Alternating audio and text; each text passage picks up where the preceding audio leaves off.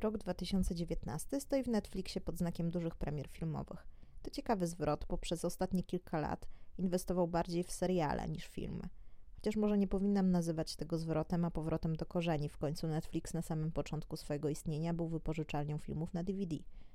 Wybrane produkcje, zanim trafią na platformę, mają swoje premiery na największych międzynarodowych festiwalach. I tak na przykład Irlandczyk miał premierę na nowojorskim festiwalu filmowym, a historia małżeńska czy pralnia były pokazywane na festiwalu w Wenecji. Dziś pomówimy o jeszcze jednym tytule, który również miał swoją premierę na weneckim festiwalu, gdzie i ja miałam przyjemność go oglądać po raz pierwszy. Pomówimy o Królu w reżyserii Davida Michaud. Od 1 listopada dostępny na Netflix. Jest to historia Henryka V. Mamy więc średniowieczną Anglię i losy młodego króla, który musi porzucić balowanie w gospodach i zająć się rządzeniem. Hal decyduje się być zupełnie innym władcą niż jego ojciec Henryk IV. Wpada jednak w sidła intryg i gier politycznych, o których nie ma pojęcia. Początkowo król miał bazować na szekspirowskiej wizji Henryka V.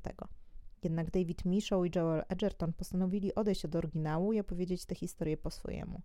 Tak więc ich filmowa wizja Henryka V nie jest ani w 100% oparta na dziele Szekspira, ani nie odpowiada jeden do jednego historycznej prawdzie.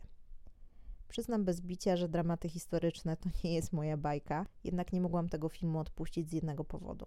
Ten powód to odtwórca głównej roli, Timothy Chalamet. Myślę, że wielu z Was kojarzy to nazwisko, bo jest to nowy ulubieniec Hollywood i jeden z najzdolniejszych młodych aktorów.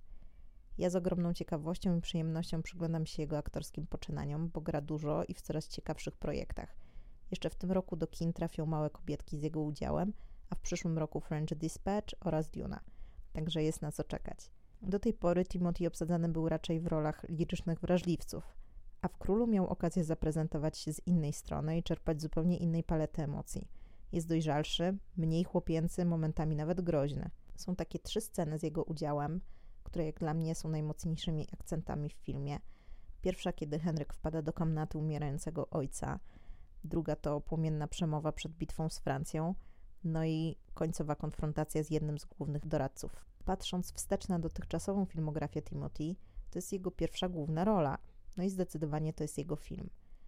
Bardzo dojrzale buduje emocje, jest silny kiedy potrzeba, wrażliwy kiedy potrzeba. No i momentami to jest aż wkurzające, że ten młody typ jest tak dobry. Oprócz niego jeszcze dwie role zasługują na wyróżnienie. Bez wątpienia Joel Edgerton, który gra rolę Falstaffa, przyjaciela Henryka, wprowadza do historii odpowiednią dawkę humoru, jest jednocześnie swego rodzaju przewodnikiem moralnym i wsparciem młodego króla.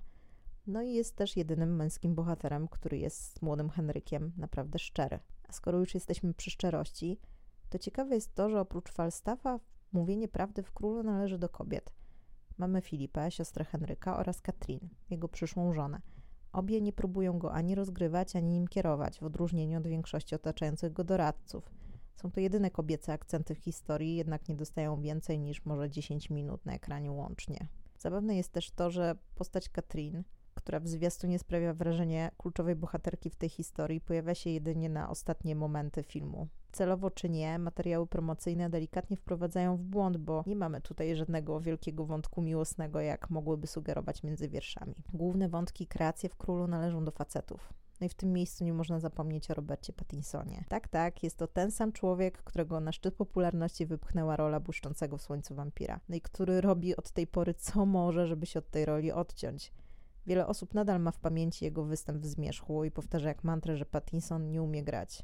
Wystarczy popatrzeć na to, co się działo w internecie, kiedy ogłoszono, że Pattinson ma zagrać następnego Batmana. Po prostu jeden wielki popłoch. Na w królu on naprawdę udowadnia, że ten rzekomy brak talentu to jest jedna wielka bójda, bo jego epizodyczny występ to komediowa perełka. Zresztą reżyser chyba też za nim przepada, bo to już kolejny projekt po Rover, przy którym pracowali razem. Generalnie gra aktorska to najmocniejsza część króla, dzięki niej można obejrzeć go bez przysypiania. Niestety każdy, kto spodziewa się epickiego rozmachu i scen batalistycznych rodem z Grotron, może powinien sobie ten tytuł odpuścić. Bo król jest zrealizowany dość hmm, zachowawczo. Oczywiście ma swoje momenty, jak kluczowe starcie wojsk angielskich i francuskich taplających się w błocie, ale brakuje mu takiego zdecydowania i mocnego uderzenia. Nie wiem, czy to kwestia budżetu, czy scenariusza, czy wypadkowej tych dwóch. Przyzwyczajona jednak do rozmachu scen batalistycznych z wysokobudżetowych produkcji fantazy, czułam, że ta bitwa wygląda mimo wszystko trochę biednie. Jak na kulminacyjny moment filmu, to troszkę za mało i za słabo. No i nie chodzi mi o brak smoków, bo zdaję sobie sprawę, że mamy do czynienia z zupełnie innym gatunkiem filmowym. No ale przed walką mamy jedną z najmocniejszych emocjonalnie scen. Świetnie zbudowane napięcie podczas przemowy Henryka zagrzewającej wojska do walki sprawia, że czekamy na wielkie boom, a ono po prostu nie nadchodzi, zostaje ogromny niedosyt.